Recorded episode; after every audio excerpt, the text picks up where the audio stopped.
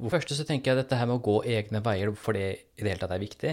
Og jeg tenker at det er viktig fordi hvis du ikke går dine egne veier, eller hvis du går veier som andre har laget for deg, så vil du alltid gjennom livet gå og undre om hva som kunne ha vært. For du vil alltid tenke å, hva om jeg, hva om jeg hadde fulgt mine drømmer? Hvor hadde jeg vært i dag? Kanskje hadde jeg hatt et mye bedre liv. Jeg er ikke sikker på at du hadde hatt det, men i hvert fall så vil du hele tiden ha den derre undringen og usikkerheten. Og så kan du også, og hvis du da f.eks. ikke er fornøyd med livet ditt sånn som det har blitt, så vil du etter hvert også kunne begynne å føle bitterhet mot folk. La oss si da at du hadde lyst til å bli eh, teaterskuespiller som, da du var eh, yngre, og så overbeviste foreldrene dine deg om at det er nok bedre å ta en utdannelse og få en, en jobb, og så ender du opp med å bli dataingeniør, f.eks. Ja. Og da vil jo og, det, og den forestillingen du da har i hodet av hvordan det er å være teaterskuespiller, er sikkert helt fantastisk. At å, jeg hadde stått på de største scenene, og jeg hadde uttrykt kunsten, og hadde vært så lykkelig, og Jeg er ikke sikkert det hadde vært det, men det er i hvert fall det du kanskje tenker, da. Og så begynner du å føle bitterhet mot kanskje foreldrene dine, som ikke lot deg følge drømmene dine, den type ting. Så jeg tror det er grunnleggende viktig at man følger sine egne drømmer. Eh, For hvis man ikke gjør det, så er det så stor risiko for at man opplever ulykke. At man opplever at man er trist eller eh, angrer. Og det, det påvirker så mye av, av livet ditt.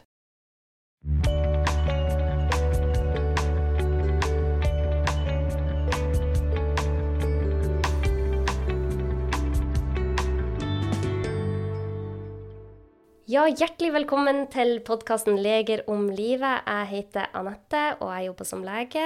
Og jeg har laga denne podkasten fordi at jeg ønsker å gjøre objektiv, nyttig og god kunnskap lett tilgjengelig for alle.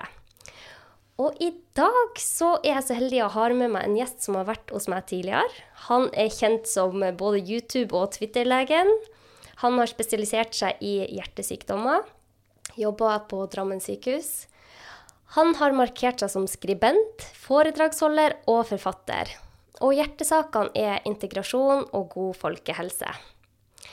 Han doktor Wasim har vært eh, gjest hos meg tidligere, hvor vi bl.a. har snakka om hva som skal til for å få et godt og friskt liv. Og i dag så tenkte jeg å snakke med han Wasim om det å gå egne veier. For det har jo han i aller høyeste grad gjort. Hjertelig velkommen, Wasim. Tusen takk til deg, og takk for en så fin introduksjon. Nå har jeg fått masse selvtillit. ja, du har jo allerede vært på NRK Drivkraft eh, tidligere i dag. Fikk Ja. du ikke litt selvtillit der òg? Jo, det var veldig morsomt å være der. Han eh, Vegard, som er programleder, er så flink. Han stilte så mange gode spørsmål. Og nå er stemmen min varmet opp også, Ja. så nå tror jeg at det blir veldig bra. Og jeg fikk eh, høre på deg en time nå før eh, live på NRK. før eh, du kom hit til meg i dag. Det var veldig hyggelig. Du blir ikke lei stemmen min, da. Nei, nei, det, det er vel ingen som blir det, Wasim. Får vi håpe, ikke håpe. Du, i dag så skal vi snakke om det å gå egne veier. Men før vi skal snakke om det, så har det skjedd noe nytt siden sist. Og det er at du har lagt ut eh, et, eh, en video av deg selv på Instagram der du har sagt at nå skal du ta tak i eh, ting. Hva er det du eh, skal ta tak i? Det er rett og slett det at jeg har i et år forsømt kroppen min. 2021 har jo vært et dårlig år for mange, mm. og for meg også når det gjelder rent sånn helse og kropp.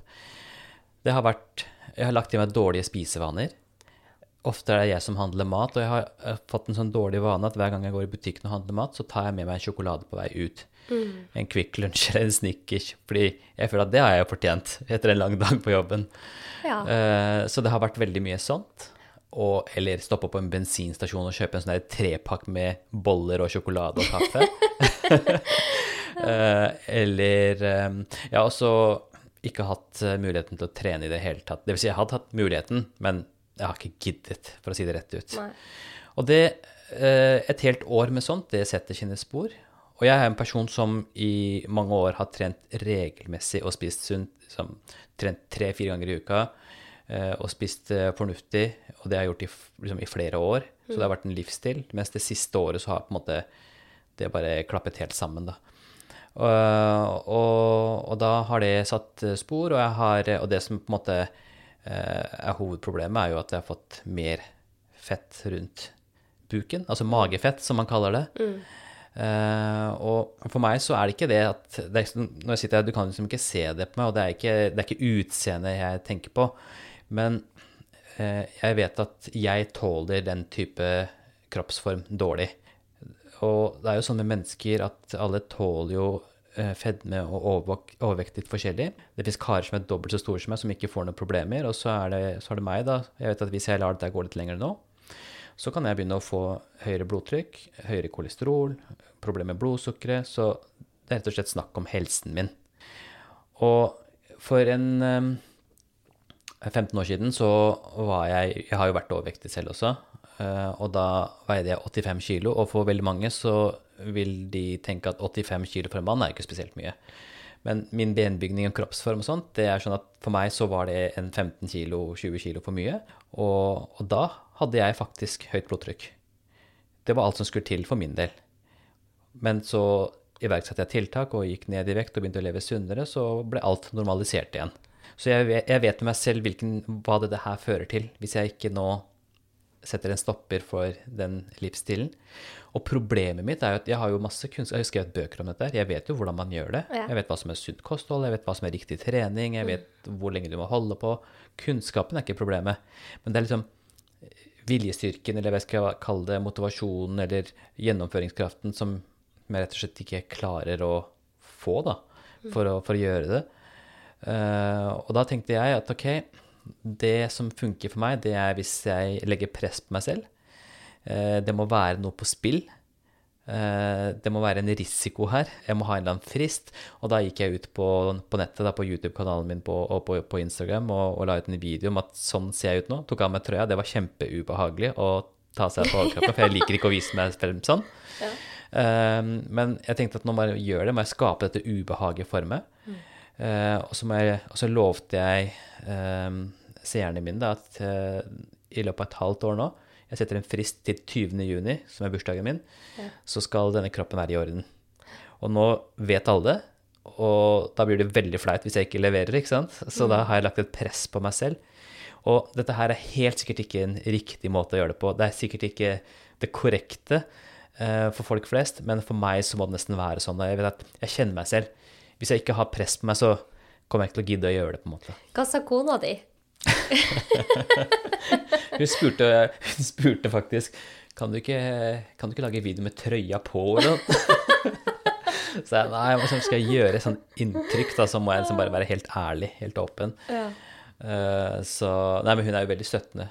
Og hun er jo Hun er helt sånn helt annerledes. Hun er veldig disiplinert. Nesten superflink på å ha uh, følge rutinene sine. Hun trener fast tre ganger i uka til samme tidspunkt og er liksom spiser supersunt, mens vi andre kan sitte og bare trykke i oss taco etter taco, så har hun på en måte sin porsjon og sin salat, og det er det hun spiser. Så jeg har mye å lære av henne. Altså. ja, du får gå i kurs og så. Ja. Nei, altså I og med at du har vært gjennom det før, og at du så da var du ganske ung altså, og fikk høyt blodtrykk av det. Mm. Det er det, det, tyder bare på at det er nok mange som kanskje går rundt og har ja, får alvorlige bivirkninger av det uten at de vet om det. Ja.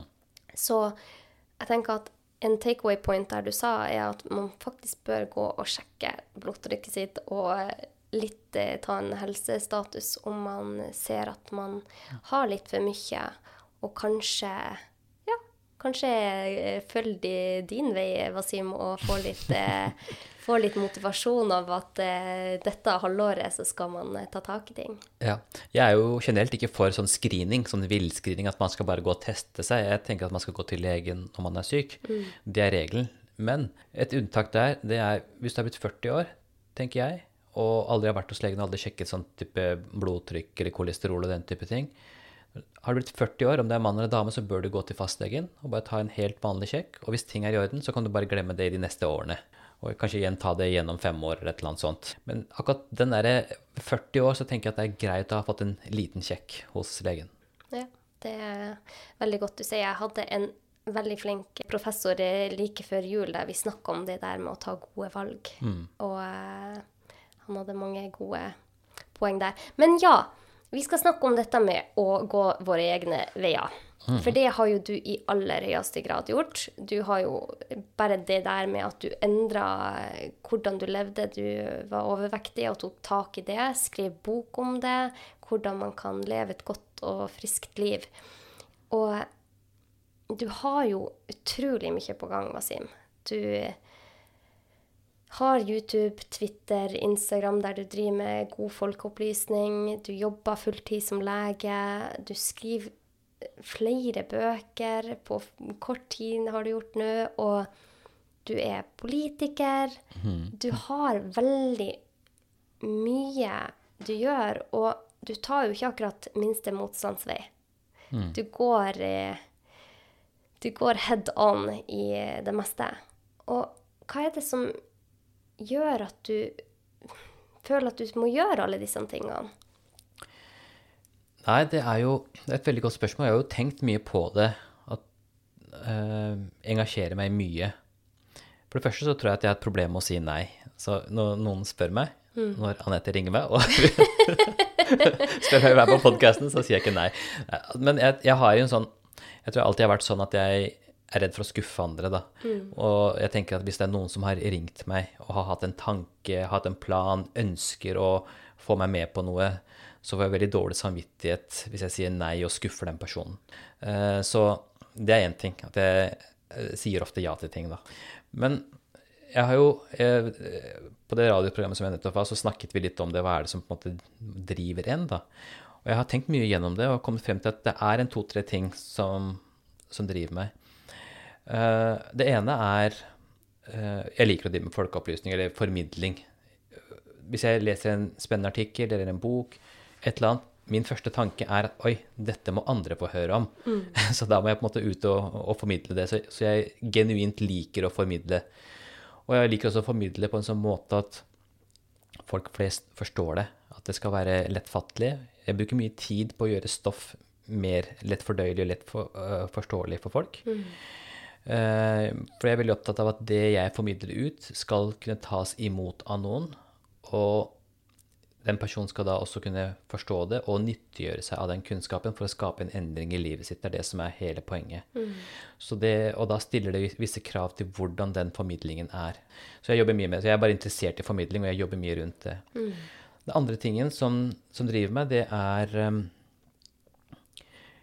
Det er liksom eh, når jeg f.eks. er på Sandvika Storsentra, som er vårt lokale shoppingsenter, så hender det at det kommer ungdommer bort til meg, eh, gutter og jenter på 18-19-20 år, gjerne minoritetsbakgrunn, som forteller meg hvor mye det betyr for dem at jeg er en synlig person, eller at jeg har klart meg, er vellykket.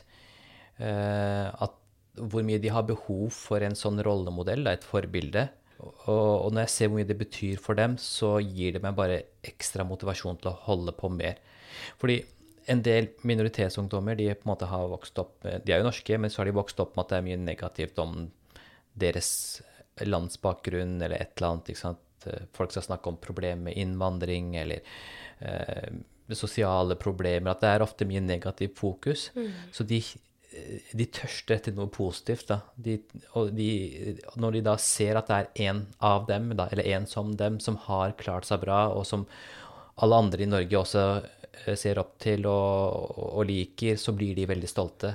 Og det gir meg bare så mye. Og da tenker jeg at da, da, da står jeg på 110 for, å, for at de skal ha det.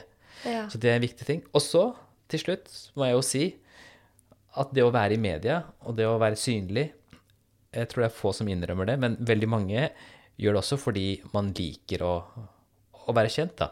At det er en sånn Det er et lite dopaminkick der, at du får en positiv tilbakemelding når folk stopper deg på gata og sier at å, det var skikkelig gøy å se på det TV-programmet som dere har, eller eh, jeg ser på videoene dine, det er så gøy. Altså den, den positive tilbakefølelsen, den lykkerusen som det gir, det er jo Jeg tror jeg skal være ærlig og innrømme at man, man liker jo det òg. Så det er også med på å drive deg og motivere deg til å holde på mer.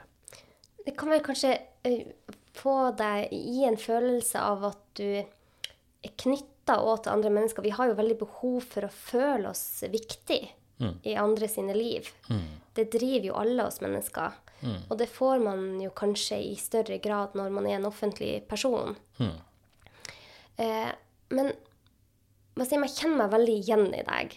For når jeg leser om eh, Veldig mye jeg leser, tenker jeg «Å, herre min, dette må jo alle få vite.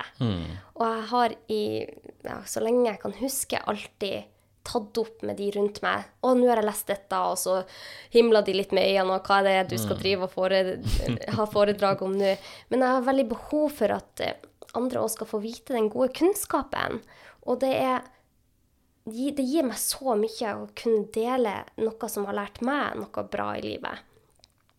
Og jeg tenker at det er Kanskje noen mennesker har det i seg at det er det de skal gjøre, at vi har alle våre roller her i verden. Men jeg ser i hvert fall at når jeg er i laget Når jeg f.eks. jeg får være i laget deg her og dele kunnskap, så gir det meg veldig mye. Akkurat som når jeg er i lag en pasient og får hjulpet han eller hun til å få det bedre i livet, så gir det meg energi i hverdagen.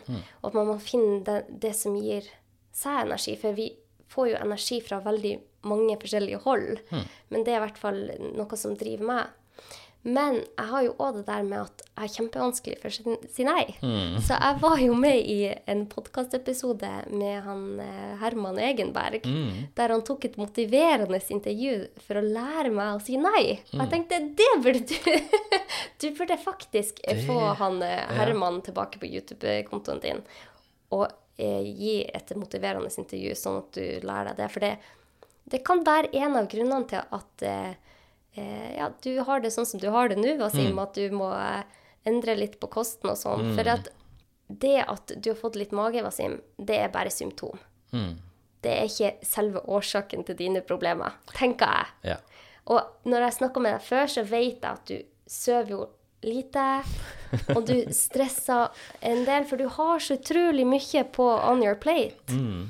Og hvis man tar tak i de tingene, så tror jeg at eh, det ekstra bukfettet som du eh, sier du har, det forsvinner av seg selv. Fordi at det, Du vet jo det her med søvn, jeg har snakka med deg mange Ja. ganger om det. Hvis man sover for lite, Ja.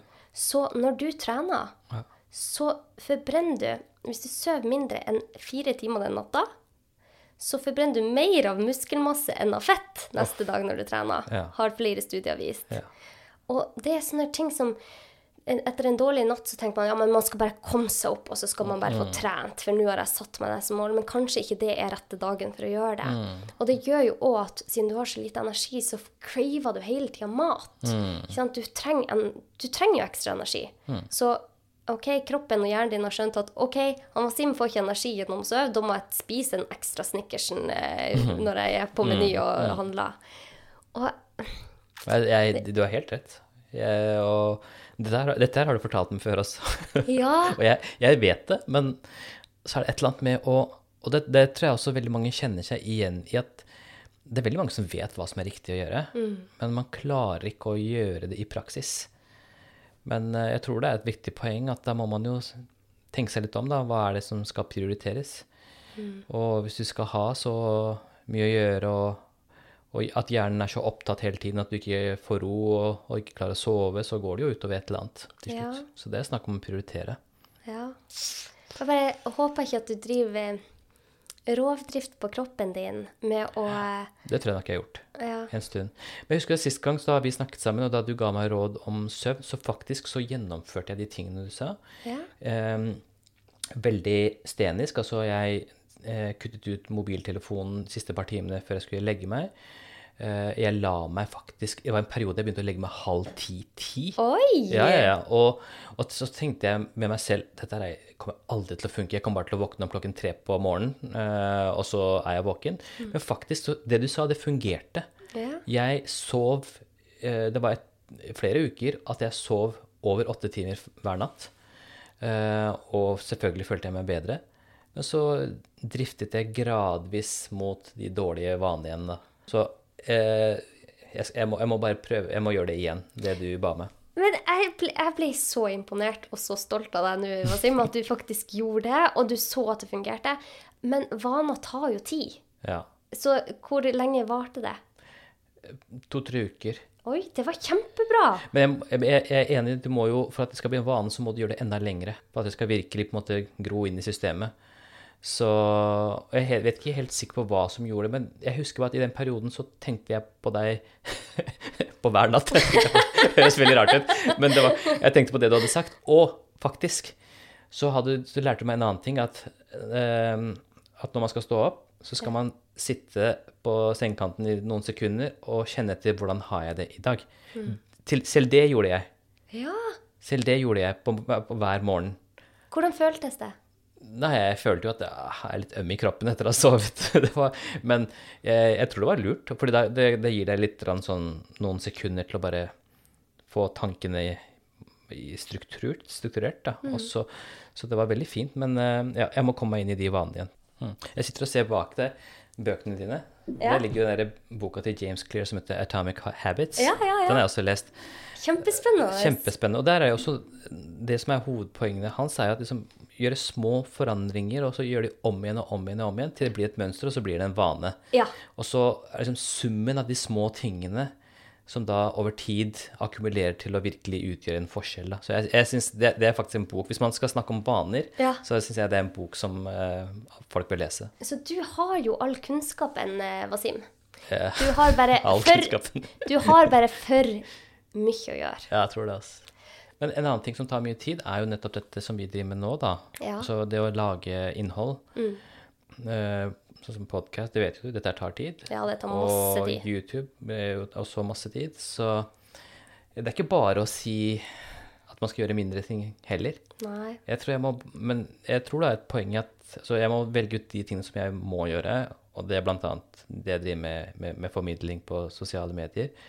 Og så må jeg prøve å skjerme meg fra de andre tingene som jeg sier ja til, slik at jeg kan heller fokusere mer på det og lage mer kvalitet der, samtidig som jeg ikke sliter meg selv ut på alt annet også. Ja. Vi får håpe det. Vi får se. Jeg, har, jeg, fall, jeg vet i hvert fall at du får til eh, de målene du setter deg.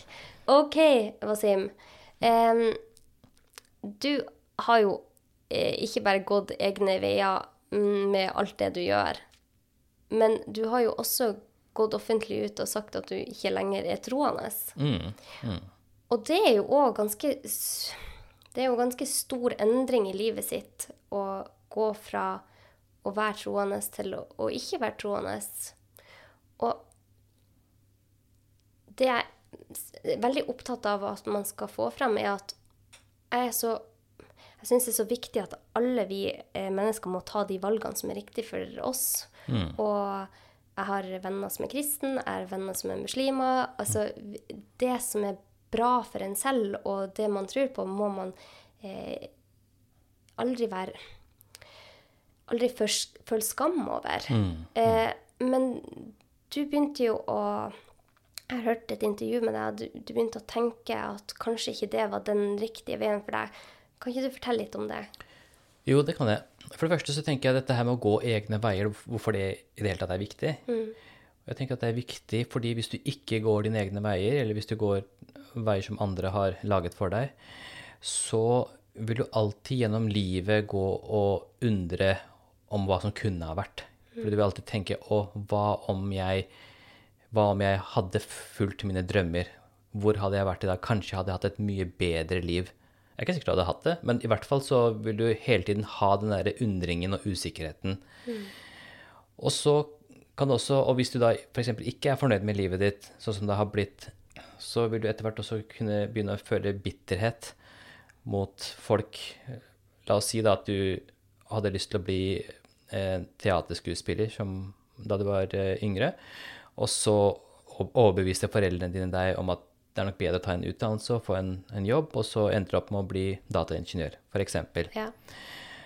Og da vil jo og, det, og den forestillingen du da har i hodet av hvordan det er å være teaterskuespiller, er sikkert helt fantastisk. At å, jeg hadde stått på de største scenene, og jeg hadde uttrykt kunsten, og hadde vært så lykkelig, og Jeg er ikke sikkert det hadde vært det, men det er i hvert fall det du kanskje tenker, da. Og så begynner du å føle bitterhet mot kanskje foreldrene dine, som ikke lot deg følge drømmene dine, den type ting. Så jeg tror det er grunnleggende viktig at man følger sine egne drømmer.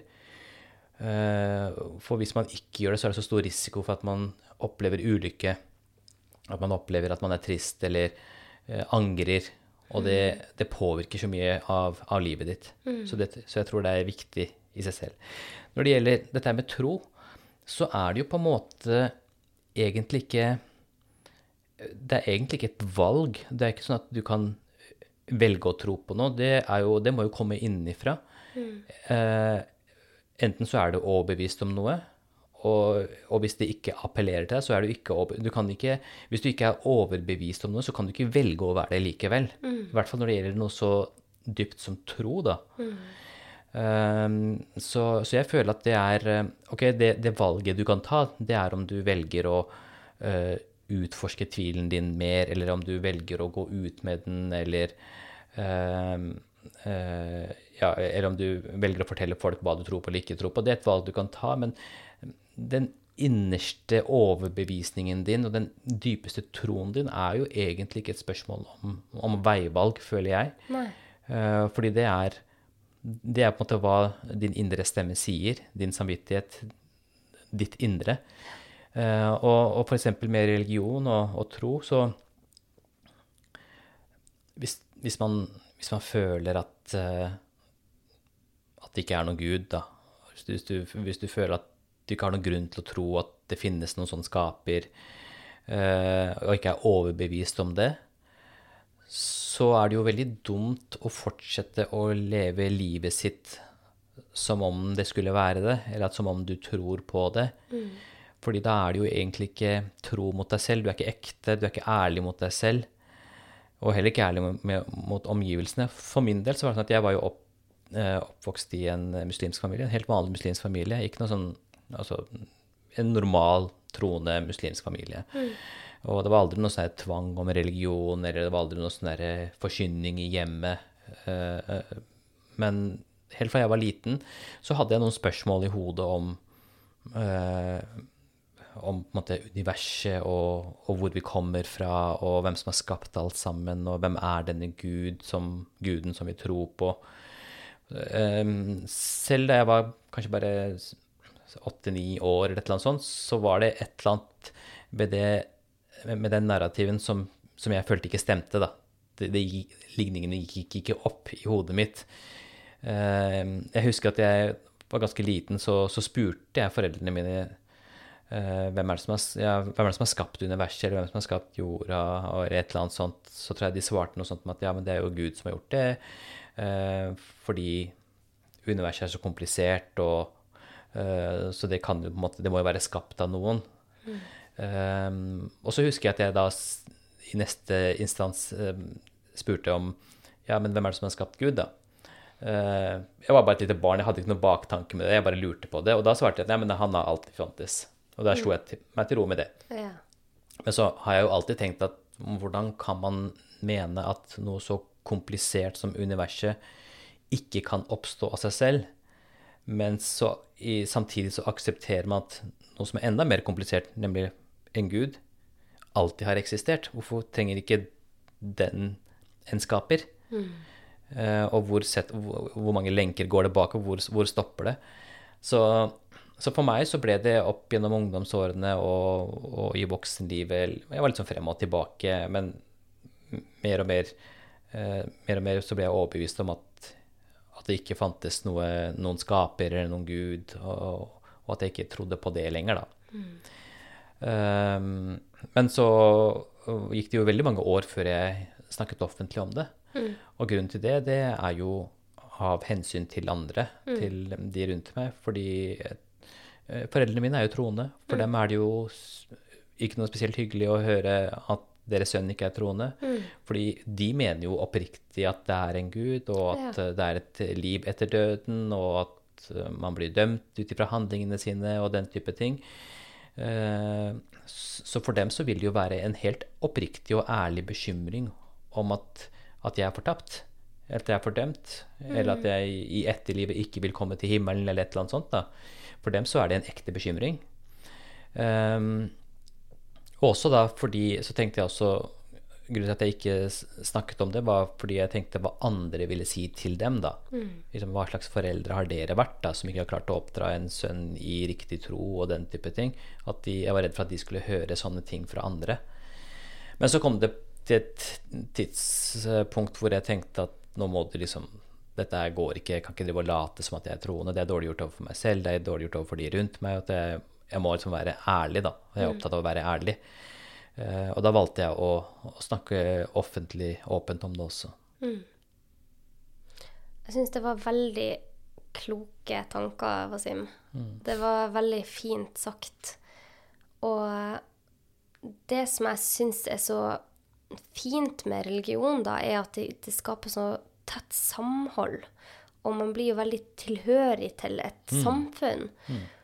Og det må jo du ha kjent på at, at det var vanskelig for deg å liksom gå bort ifra. Gjør det, det gjør jeg fortsatt. For å være helt ærlig så skulle jeg ønske at jeg var troende. Ja. Fordi, eh, skulle, fordi det er en så behagelig tanke å ha eh, en tro, og at det finnes en mening med livet, at det er en skaper som passer på oss, og ikke minst dette fellesskapet, da. At vi er alle på en måte eh, innenfor samme trosretning, at vi er søsken, at vi har en solidaritet, og vi har et, at vi forstår hverandre. Eh, så, så jeg skulle jo vel, veldig gjerne ønske at jeg var troende, at jeg var overbevist. Men igjen, så det er ikke noe man kan velge. Er t- tro hvis, hvis er jeg ikke overbevist om at eh, det finnes en Gud, så er jeg ikke overbevist. Jeg kan ikke på en måte velge å, å være overbevist. Eh, men så, så tenker jeg også at um, de tingene ved religion som jeg syns er fint, f.eks. Uh, fellesskapet og ritualene kan også være fine. Bønn, ikke sant. uh, ikke bønn, da, for det gjør jeg ikke, men, men altså feiringer. Eh, det er jo bare å være med på de. Det er ikke verre enn det. Og det er det jeg har eh, alltid gjort. Altså jeg eh, eksempel hvis jeg er sammen med mine muslimske venner, så hilser jeg fortsatt på en muslimsk måte. Altså vi sier assalamu alaikum, som er den muslimske måten å hilse på. For jeg syns det er en fin måte. Det betyr fred være med deg, og det er en fin ting å si. Ja, det er kjempefint. Ja, eller at uh, eh, når det er høytider, så samles vi og, og feirer sammen og har eh, god mat og er sammen med familie, og, og, og jeg nyter det. Eller eh, altså, eh, det å høre på religiøs musikk, da, det regnes som litt kleint noen ganger. Altså, for eksempel, så vet jeg, I USA så er det en stor greie med sånn kristen rock, for mens alle ser på det som litt teit. Uh, og også innenfor islam så finnes det massevis av religiøs musikk som jeg syns er kjempefint å høre på. Og jeg tenker på hvorfor kan ikke jeg fortsette å nyte det? Mm, Selvfølgelig kan jeg det. Eh, det betyr ikke at jeg får en eller annen åndelig opplevelse eller opphøy, altså en eller annen sånn opphøyet opplevelse av noe Gud, eller noe men jeg kan jo verdsette de fine melodiene og de følelsene som formidles. Og, så, så jeg tar veldig lett på Jeg vet at det er en del uh, ikke-troende eller ateister som blir sånn Nei, jeg skal ikke ha noe med religion å gjøre, jeg er helt mot det. og jeg skal liksom til enhver pris ta en hard diskusjon om, om Guds eksistens, eller til og med på en måte være nedlatende mot folk som er troende. Og Det er sånn jeg har aldri vært. Jeg ser ikke noen grunn til det. Eh, og jeg har bestevenner, jeg har familie som er troende, jeg har bestevenner som ikke er troende. Altså, det er bare å møtes hverandre og, og, og respektere hverandre for det, det man tror på. Så lenge ikke det på en måte går utover deg, da, så har jo ikke jeg noe problem med at andre er troende. Mm, og det tenker jeg at Hvorfor skal man være så hard? Begge ytterpunktene. For man kan jo ikke vite at det ikke finnes noe Gud heller. Så det at eh, man blir så polarisert, har ingenting for seg heller. Hvorfor kan man ikke bare få lov å leve det livet man ønsker, hvis Selvfølgelig, hvis man eh, er snill og grei med andre, så, eh, så kan man gjøre sånn som man vil, som de sier i Kardemommeby. Ikke plage Det er så god regel. Det er så fin regel, fordi at eh, jeg, jeg er jo en agnostiker. Jeg vet ikke. Jeg kan ikke si at det ikke finnes en gud. Det må enhver få lov å bestemme selv, tenker jeg. Eh, og det med det samholdet tror jeg at Ja, vi mister jo noe på veien når vi går mer og mer ifra religion sånn som man gjør i Norge.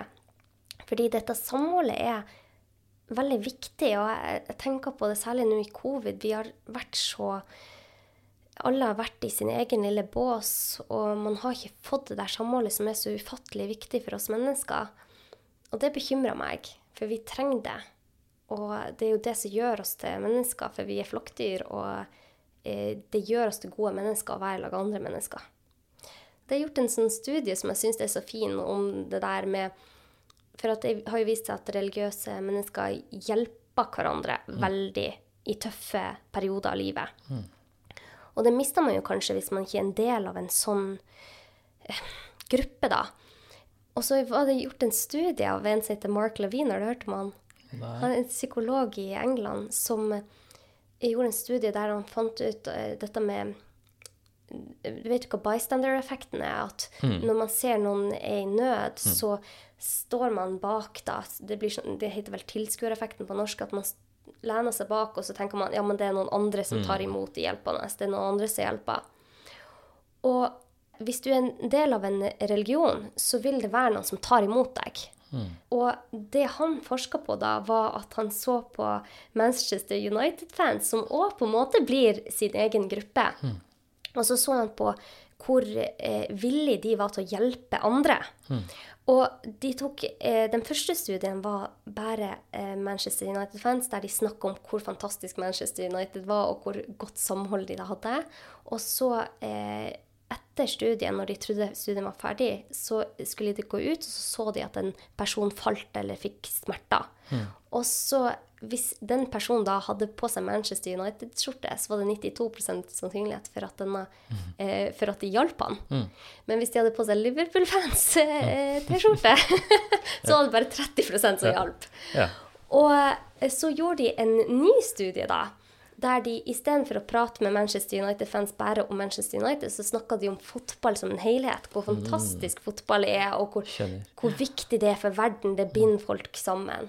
Og så tok de samme studien da, der de hadde eh, Liverpools eh, fans-T-skjorte da på disse som var skuespillere utfor. Og så fikk, da falt de da, og så skulle de se hvor mange som hjalp de. Og da var jo plutselig Liverpool-fans en del av deres gruppe. For da hadde de jo blitt proba på forhånd. De hadde prata om hvor viktig alle disse fansen var for verden. Og da var de like sannsynlig at de hjalp en Liverpool-fan som de gjorde med Manchester Ja, United-fan. gøy. yeah. Og jeg bare tenker at det, det her gruppementaliteten, den er så viktig for oss mennesker. Ja. Vi må bare utvide gruppene våre. vi må bare utvide gruppen, og det skal så lite til som bare det å endre litt tankemåte. Ja. Jeg er helt enig. Jeg, jeg, vet du, jeg har også tenkt så mye på dette her. I stedet for å tenke at ja, jeg er troende, du er ikke eh, du er uh, kristne, du er muslim, og det er gruppene våre, så bør gruppene våre være at vi er mennesker. Ja. Altså, det er det som er gruppen. Ja, jeg er helt enig. enig. Og, og da, hvis man får det perspektivet, så tenker jeg at det er mye større sjanse for at folk er snille mot hverandre, sånn som den studien også viser. Ja. Mm. Men hva tenker du nå? Vi er jo Forhåpentligvis så ser vi lyset i tunnelen nå, og jeg håper jo at livene våre kan begynne å bli litt mer sosiale, og at vi får dette store samholdet som vi trenger. Mm. Hva tenker du om livet framover for din egen del? Altså, jeg vil bare si en ting som jeg, jeg syns er veldig viktig, bare for å fullføre dette her med Siden du nå trenger, trekker frem dette med etter pandemien. Jeg syns det er veldig viktig å huske på at vi skal ha et liv etter denne pandemien her også. Vi som samfunn, som nasjon, skal, vi skal fortsette å være en nasjon etter denne pandemien her også. Og da må man tenke seg litt om hva slags stemning man skaper nå. Og hvis man skaper den veldig sånn polariserende greia om at eh, Nei, fy fader, de som ikke vaksinerer seg, eh, og så dumme de er. Eller eh, vi må ha, innføre tvangsvaksinering. Ikke tvang, men obligatorisk vaksinering. Et. Hvis man begynner å skape den type polariseringer i samfunnet fordi man tror at nå er det viktig, og nå må vi gjøre dette her, ha i bakhodet at vi skal ha eh, vi skal ha et folk, vi skal ha et samhold, et fellesskap, et samfunn og en nasjon etter pandemien også. Og hva slags følelser ønsker vi å møte den fremtiden med? En sånn polarisert Vil vi ha, vil vi ha en polarisert befolkning? Det vil vi selvfølgelig ikke. Så jeg tror det er veldig lurt at vi demper eh, konfliktnivået så mye som mulig. Selv om det er tøft nå, og det er motsetninger, at folk er irriterte og sinte og redde og alt dette der, så må vi alle gjøre det vi kan for å ha et lavest mulig konfliktnivå i befolkningen, fordi vi skal fortsette å fungere som en bra nasjon etter pandemien også. Så det tenker jeg er kjempeviktig. Det syns jeg var så eh, godt at du sa, Wasim, om det at man skal fortsatt ha tillit. Ja. Det er jo Det- som er det viktigste i det norske samfunnet, er jo tilliten. Mm. Hvis noen spør deg hva som er som, Det var masse sånn diskusjon om hva er norsk kultur, og hva som er norske verdier og sånn. Jeg Den viktigste norske verdien er at vi har et tillitsbasert samfunn. Mm. Vi stoler på at politi Vi stoler jo egentlig på politikerne våre. I mange andre land så gjør de jo ikke det. Vi stoler på myndighetene, vi stoler på legene våre, vi stoler på politiet vårt. Så det er det som gjør at det går så bra. Uh, vi har jo egentlig ikke noen grunn til å stole på, men, men vi har den tilliten. Og det er den vi må bevare. Vi må ikke Ja. miste den tilliten. Du er en klok mann, Wasim. Tja, jeg vet ikke nå. Innimellom så kan jeg si Jeg går i lære hos deg, så kan du lære søvn hos meg. Ja, det Men fremover, hva skal skje fremover med meg? Og nei, det er jo Jeg håper jo også at eh, Det jeg har lært, er at man skal være veldig forsiktig med å spå fremtiden når det gjelder denne pandemien. Der har jo jeg gått i bare en gang tidlig. Jeg var jo tidlig ute med å avblåse pandemien, og det slo jo eh, tilbake på meg. Det var jo helt feil. Men også har det også vært senere så har det jo vært professorer i FHI som har avlyst pandemien uten at det har slått til, så alle kan ta feil. Men jeg håper jo, og jeg tror jo at 2022 kanskje eh, vil markere slutten, da. Eh, hvis det nå blir sånn at eh, omikron-varianten er veldig smittsom, men ikke gir alvorlig sykdom, så er det et håp om at den vil da på en måte fortrenge de andre variantene, samtidig som den vil gi immunitet i befolkningen. Eh, og at det i kombinasjon med den immuniteten vi allerede har pga. vaksinene, kanskje vil være da nok til at vi ikke får flere sånne store koronapandemier. da. Jeg tror nok at koronaviruset er her for å bli, at det vil bli endemisk. Det vil si at som ved influensa så vil vi se at hver høst og vinter så får vi kanskje tilfeller med koronavirus, sånn som vi pleier å få med influensa på sykehusene. Eh, Men jeg tror og håper at som en pandemi så vil det gradvis gå over i løpet av 2022. Men det greske alfabetet er langt, og det kan komme nye varianter av concern, av bekymring. Så det, det er umulig å spå det. Det får vi håpe at det ikke gjør. Det blir spennende å se. Men hva tenker du eh, Du har jo satt deg et nyttårsforsett. Eh, og det er å bli litt sunnere. Men har du noen andre ting du tenker at 2022 skal bringe? Kanskje litt motsetning. Jeg tenker at jeg skal satse enda mer på YouTube-kanalen min. Og den skal bli svær. Eh, Jeg har masse planer. Jeg har blitt inspirert av deg, og jeg har kjøpt litt sånn podkastutstyr. Ikke fordi jeg skal bli en podcaster, for det klarer jeg ikke, men kanskje eh, ha flere gjester på kanalen min hvor vi har litt sånne podcast-samtaler som dette her. Ja, da, som jeg filmer. spennende. Eh, Så Anette har jo lært meg om hva som er riktig teknisk utstyr for Åh, podcasting. så- Det er bra jeg kan lære deg noe. jo, du lærer meg masse. Så har jeg jo planer om å fortsette å drive med, med formidling og gjøre det enda bedre og proffere og uh, ja, spre god informasjon. Det er det jeg ønsker å gjøre. Det er jeg veldig glad for at, det er jeg veldig glad for at du skal Mm. fortsette med. Men eh, søvna, den må du jo ta vare på, da. Den skal den skal jeg nok klare etter hvert. men hva tenker du for, for lytterne mine, da? Altså, Mm. hva, hva tenker du er viktig eh, å gjøre? Du har jo tenkt mye over hva som er sunt for kroppen. Mm. Du har skrevet egne bøker om det. Og selv om du falt litt i gamle Mm. vaner i år, så er jo du en person som er veldig opptatt av helse. Mm. Hva tenker du eh, er viktig for, for folkehelsa nå etter eh, ett og Mm. ja, snart to år med pandemi? Ja, det er veldig mye man kan si om det. Eh, Det er veldig mange ting som har betydning for folkehelsen. Men siden du spør så spesifikt som etter pandemien, så tror jeg at eh, eh, de to tingene som kanskje det vil være mye gevinst i, Mm. mer fysisk aktivitet. Jeg tenker ikke jeg på å løpe intervaller på tredemølla, men bare være mer i bevegelse. For jeg tror det er mange som har vært mye inne. Det er det jeg hører. Og en annen ting som er veldig viktig for god helse, som vi ikke snakker så veldig mye om ofte, det er jo betydningen av gode sosiale relasjoner. Å være sammen med venner og familie og ja, møte hverandre, snakke og lette på hverandres byrder gjennom samtaler, tror jeg kommer til å bli en viktig ting for folkehelsa eh, fremover. Fordi det er også noe som har da manglet nå i to år. Eller vært mindre av. Ja, det Og så vil jeg jo selvfølgelig si at man bør ikke røyke. Det er kanskje det viktigste. Jeg tror kanskje ikke mange av lytterne dine røyker, men hvis de gjør det, så bør de absolutt prøve å slutte. For det er jo da, da det farligste du kan gjøre for helsa. Det er mange andre ting man kan snakke om når det er folkehelse. Du har jo alkoholforbruk, du har sunt kosthold, og ikke minst søvn er kjempeviktig. Så det er jo mange ting man kan snakke om. Men uh, jeg tenker at det, sånn etter pandemien så tror jeg det er viktig å både være mer fysisk aktiv og ha mer kontakt med medmennesker. Og da kommer jo opp dette med rutiner og vaner, for det er så vanskelig å endre seg. Mm. Man må erstatte noe med noe annet, da. Så hvordan skal du gjøre det? Hva har du konkret tenkt at du skal gjøre nå mot 20. juni? Det jeg skal i hvert fall gjøre ikke sant? For eksempel når man En ting som veldig mange vet, det er at hvis man skal eksempel redusere mengde fett på kroppen, så er man nødt til å gjøre noe med kaloriinntaket også. Mm.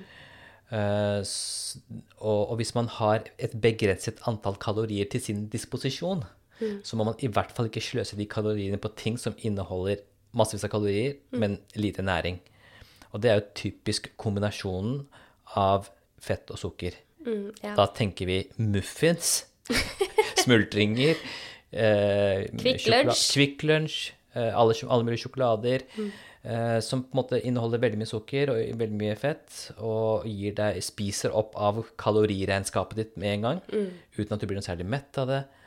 Så det har jeg bare bestemt meg for, og det har jeg også kuttet helt ut. Så Ingen sjokolade til 20. juni? Nei, altså det er klart eh, Hvis jeg får eh, servert litt konfekt eller noe sånt, Kong Haakon eller Anton Berg, et eller annet sånt, litt grann, men i hvert fall ikke gå i butikken og kjøpe seg en dobbel Snickers. Ja, det, vet du, det er Det en ting jeg satte meg som mål for mange år siden. Det er blitt en vane. At jeg aldri har lov å kjøpe meg en sånn liten sjokolade. Mm. Hvis jeg skal kjøpe meg sjokolade, så må det være sånne plate. Ok. For det gidder jo ikke du stå og åpne på vei ut av eh, Ja, det er godt. Men i bilen, da? Ja, Nei, men det, det, det gjør jeg ikke.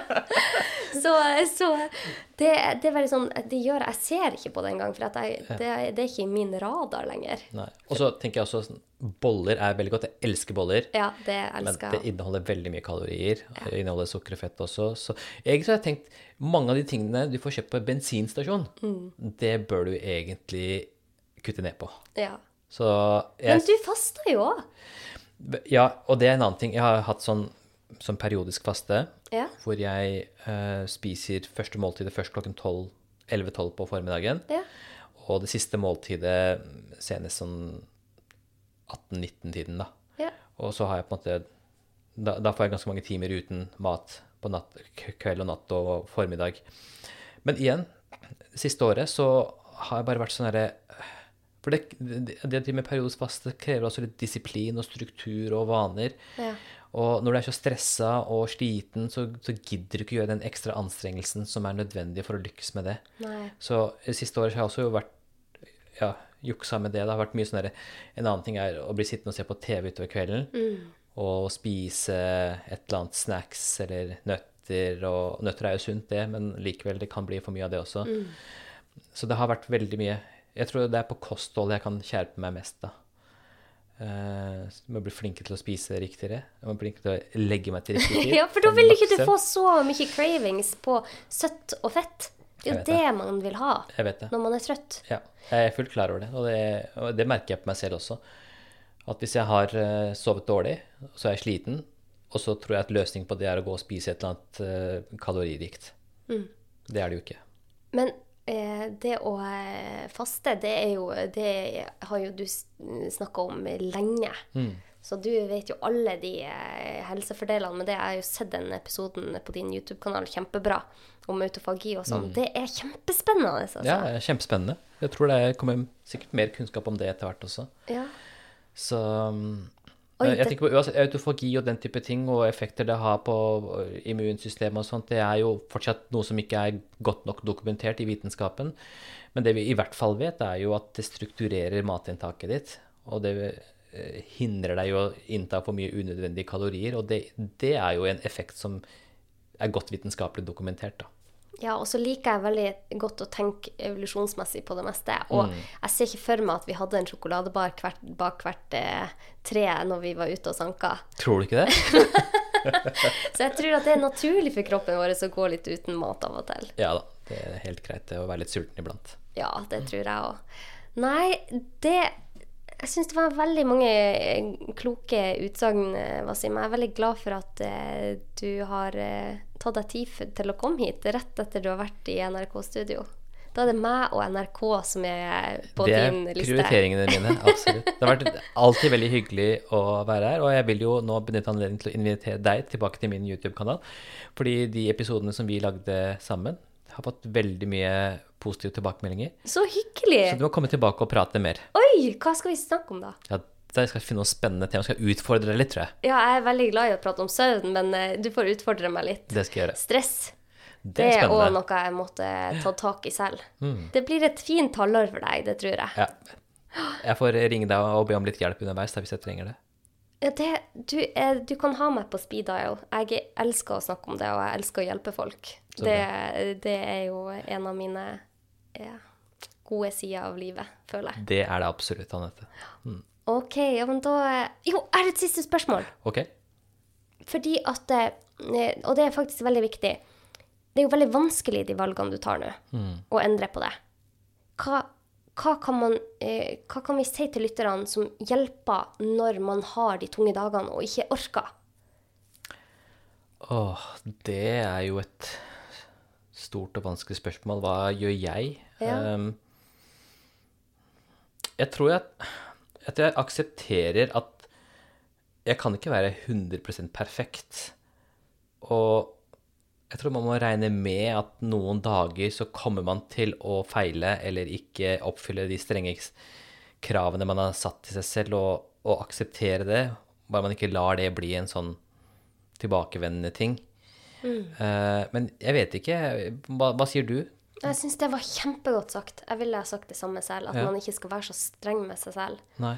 For at eh, selv om jeg, jeg har dager der jeg ikke prioriterer søvna, så vet at kroppen min tåler det. Kroppen tåler at man spiser litt dårlig en dag. Det går fint, det òg. Ja, Det ja. det å hente seg inn. Altså, man har jo aldri levd perfekt. De som sanka for 10 000 år siden, hadde jo òg perioder der de måtte spise sikkert dårlige blad, eller hva de måtte spise, eller så veldig lite fordi de var ute og jakta. Vår kropp er laga for å tåle ganske mye. Vi har robuste kropper. Og det jeg ser at mange, mange blir litt for stressa på f.eks.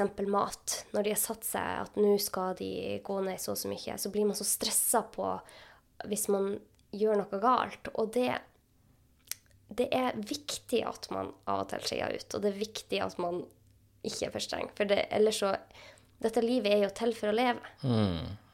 Ja, det tror jeg er en fin måte å avslutte på. Ikke vær for streng mot deg selv. Ja. Da ønsker jeg deg lykke til, Wasim, og jeg håper at du får mange gode netter. Tusen takk ha. Det ser jeg frem til. ja. OK, ha det godt. Og hvis eh, dere vil spørre han Wasim eller meg noen spørsmål, så er det bare å ta kontakt på Instagram. Du finner han Wasim på både Instagram, YouTube Hva heter de kontoene? Jeg tror hvis du søker Wasim Sayed, så er det samme overalt. Ja. Og så finner du meg på Leger om livet, og eh, ja, bare skriv under hvis det var noen spørsmål til denne episoden. Og del gjerne hvis du tenker at det hadde vært bra for noen andre. Ha en kjempefin dag. Ha det godt.